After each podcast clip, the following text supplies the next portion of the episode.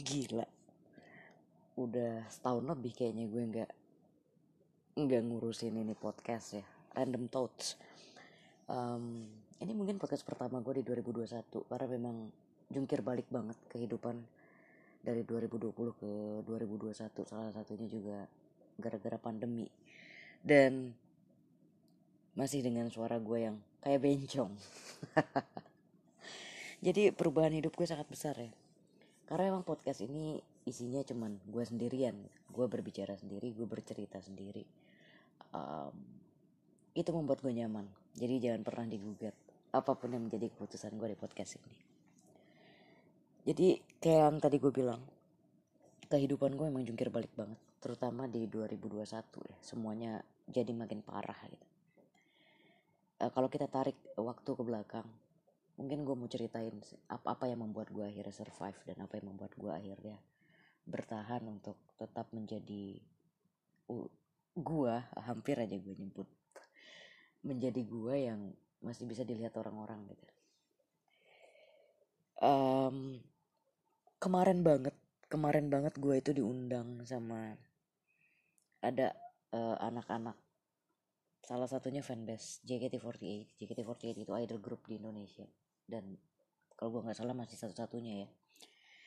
Di situ gue diminta cerita uh, kenapa gue bisa mengidolakan salah satu member gitu. Dan itu membuka mata gue lagi untuk mengakui kehadiran seseorang itu begitu besar pengaruhnya buat kehidupan gue.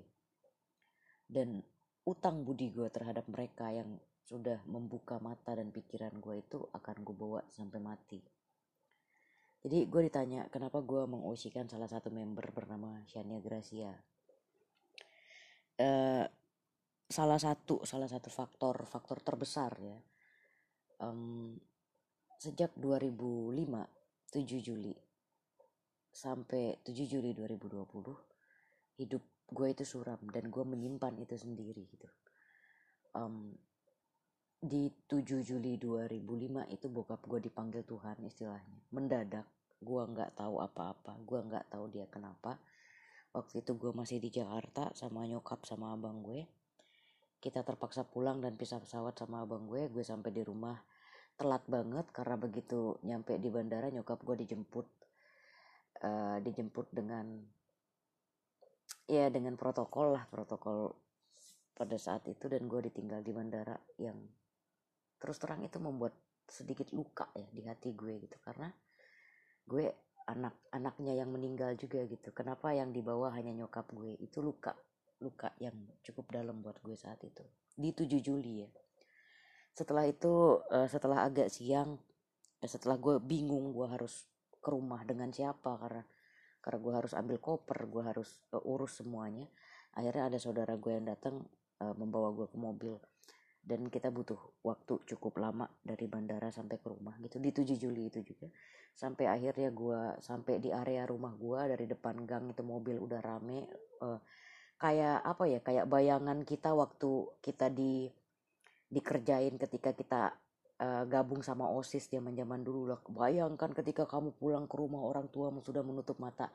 Itulah yang gue rasain di 7 Juli itu gue masuk ke rumah dengan gaya gue yang masih pakai celana pendek gelang banyak di kanan kiri. Karena dari Jakarta gue nggak sempet mandi segala macam uh, celana gue celana pendek gue pakai kaos biasa gelang gue udah pokoknya gue udah bukan kayak anak anak seorang sosok yang pada saat itu tuh cukup dipandang gitu di daerah gue gue masuk ke rumah gue lihat bokap gue udah jadi jenazah gitu udah ditidurin dan didoain banyak orang.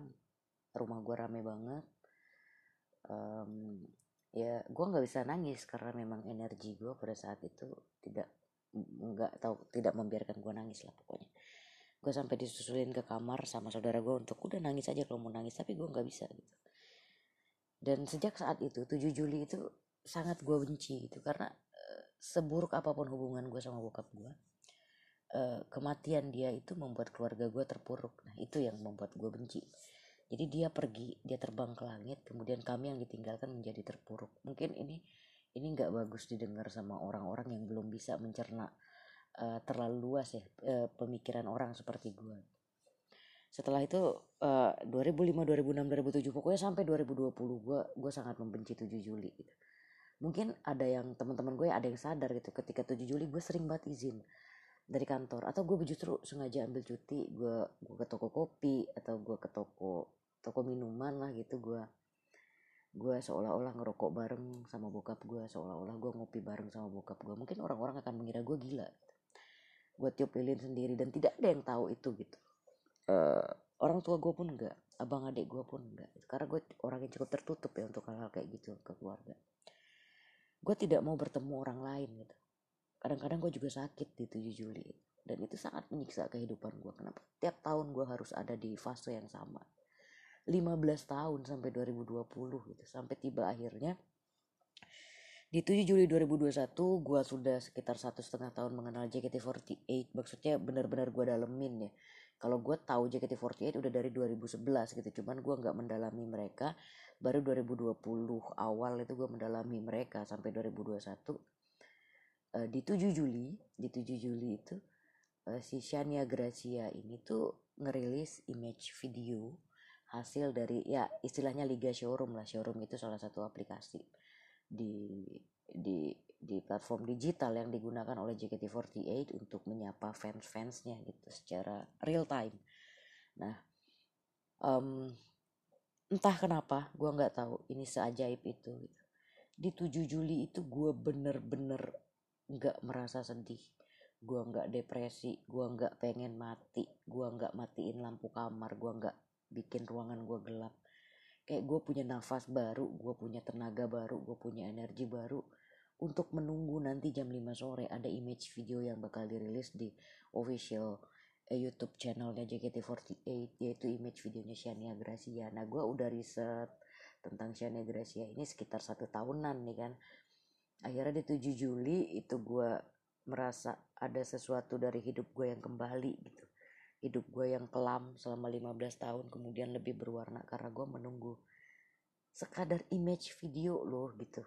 Menurut orang-orang ya apa hebatnya image video gitu. Tapi gue nggak tahu karena membuat gue uh, mempunyai hari yang yang yang gimana ya yang seceria seperti sebelum 7 Juli 2005 terjadi gitu. Artinya 15 sampai 16 tahun gue terpuruk di 7 Juli dan di 7 Juli 2021 keterpurukan itu hilang begitu saja gara-gara sebuah image video itulah yang gue ceritakan di podcast uh, GBH 48 podcastnya anak-anak uh, fans-fansnya JKT48 gitu.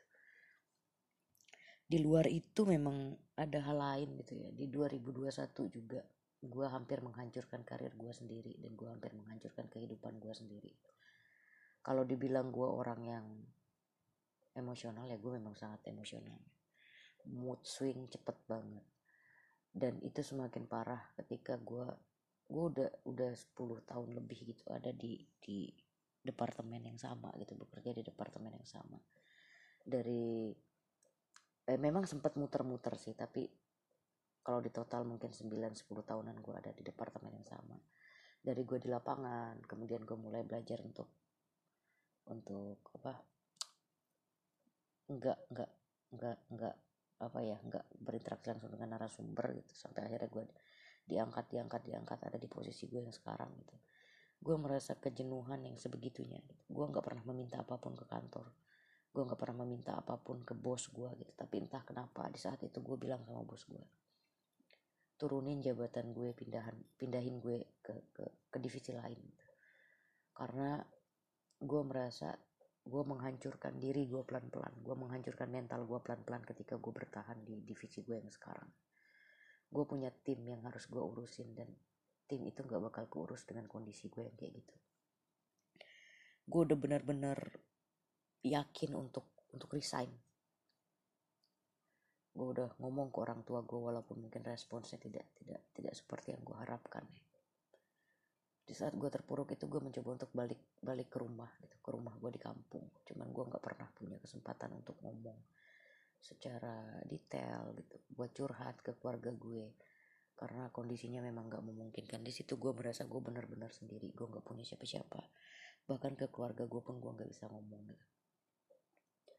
Walaupun pada akhirnya ada kesempatan ngomong dan memang responsnya mungkin gak sesuai sama apa yang gue harapin gue benar-benar merasa udah gak ada gunanya lagi gue ngapain lagi gitu. Gue mau bicara di rumah pun gue gak punya tempat. Gue minta ke kantor pun yang selama 10 tahun gue nggak pernah minta apa-apa gitu juga nggak dikasih itu gue ngerasa udahlah gitu buat apa lagi gue? Gue benar-benar pengen tinggalin semuanya bahkan gue berpikir untuk keluarga gue pun sekali mereka nyebelin gue bakal tinggalin gitu.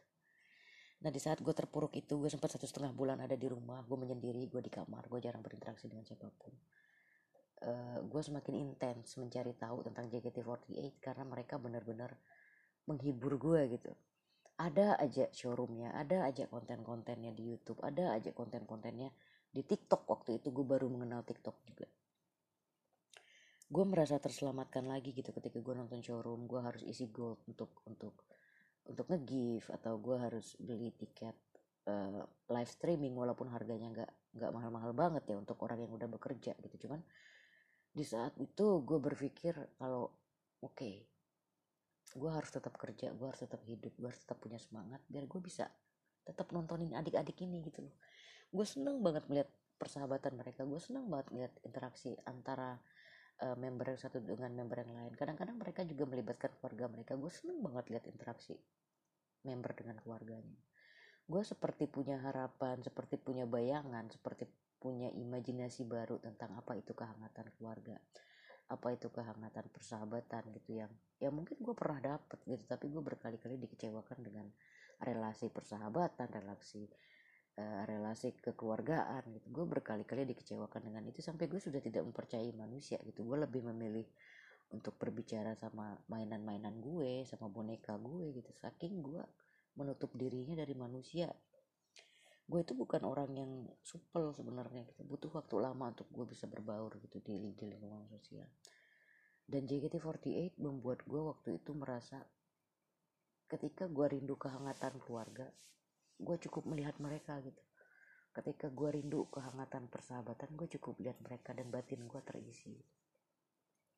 Alasan lain di luar itu juga karena di usia-usia yang seharusnya gue ngidol ya mungkin di usia di usia belasan tahun atau 20-an tahun. Gue nggak bisa melakukan itu gitu karena gue harus benar-benar fokus kerja untuk bikin gue diri gue settle dulu gitu. Gue gue gue tidak lahir dari keluarga yang yang ujuk-ujuk berada gitu. Bokap gue dibilang pejabat iya gitu. Tapi apakah dia orang berada? Nggak juga gitu.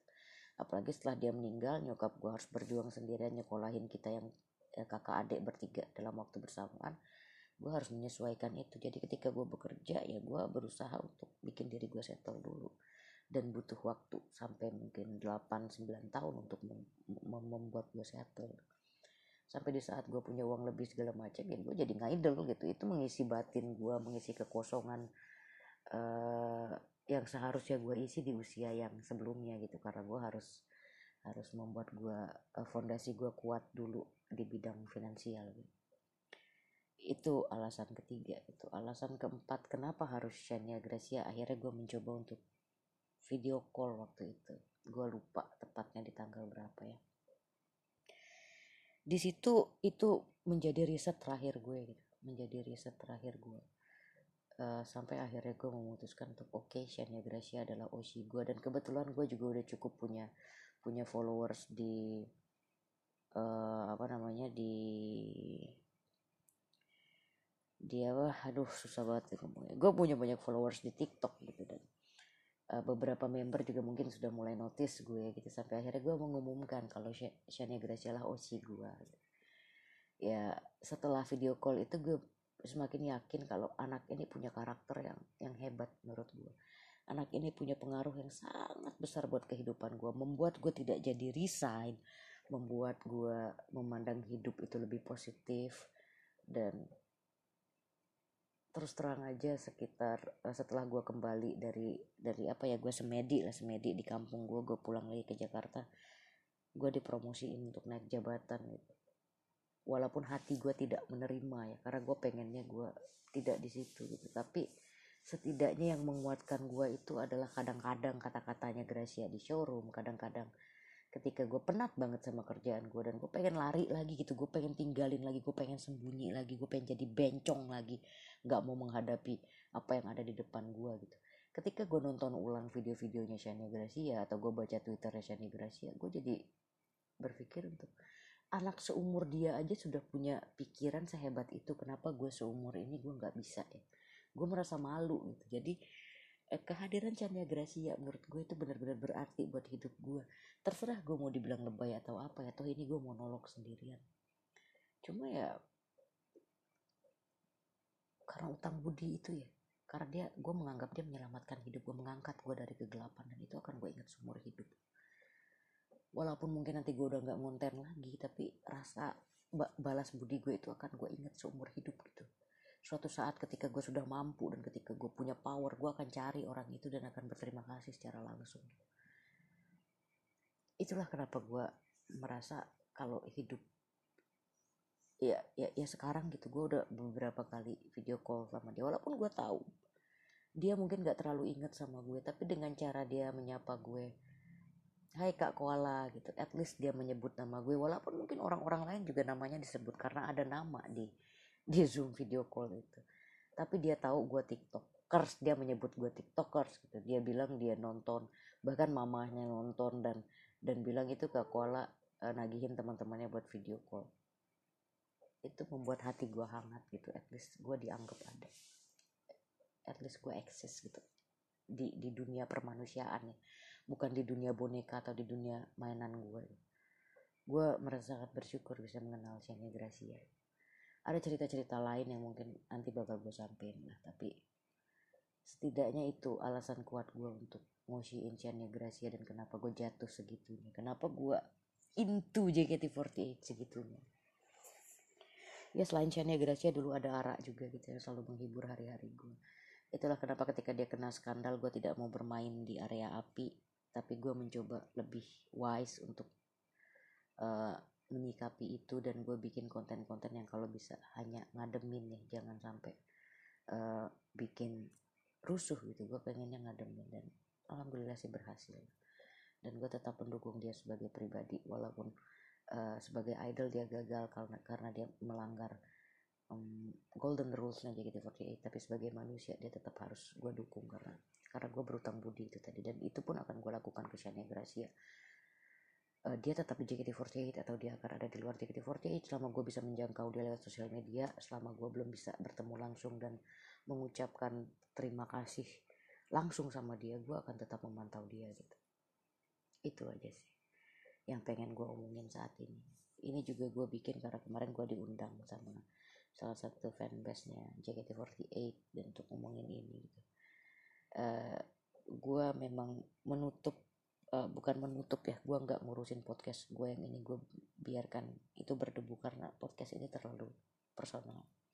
Gue takut banyak orang yang denger tapi di sisi lain gue ngerasa orang-orang juga perlu tahu lah apa yang dirasakan orang lain sehingga itu bisa jadi pelajaran buat mereka juga.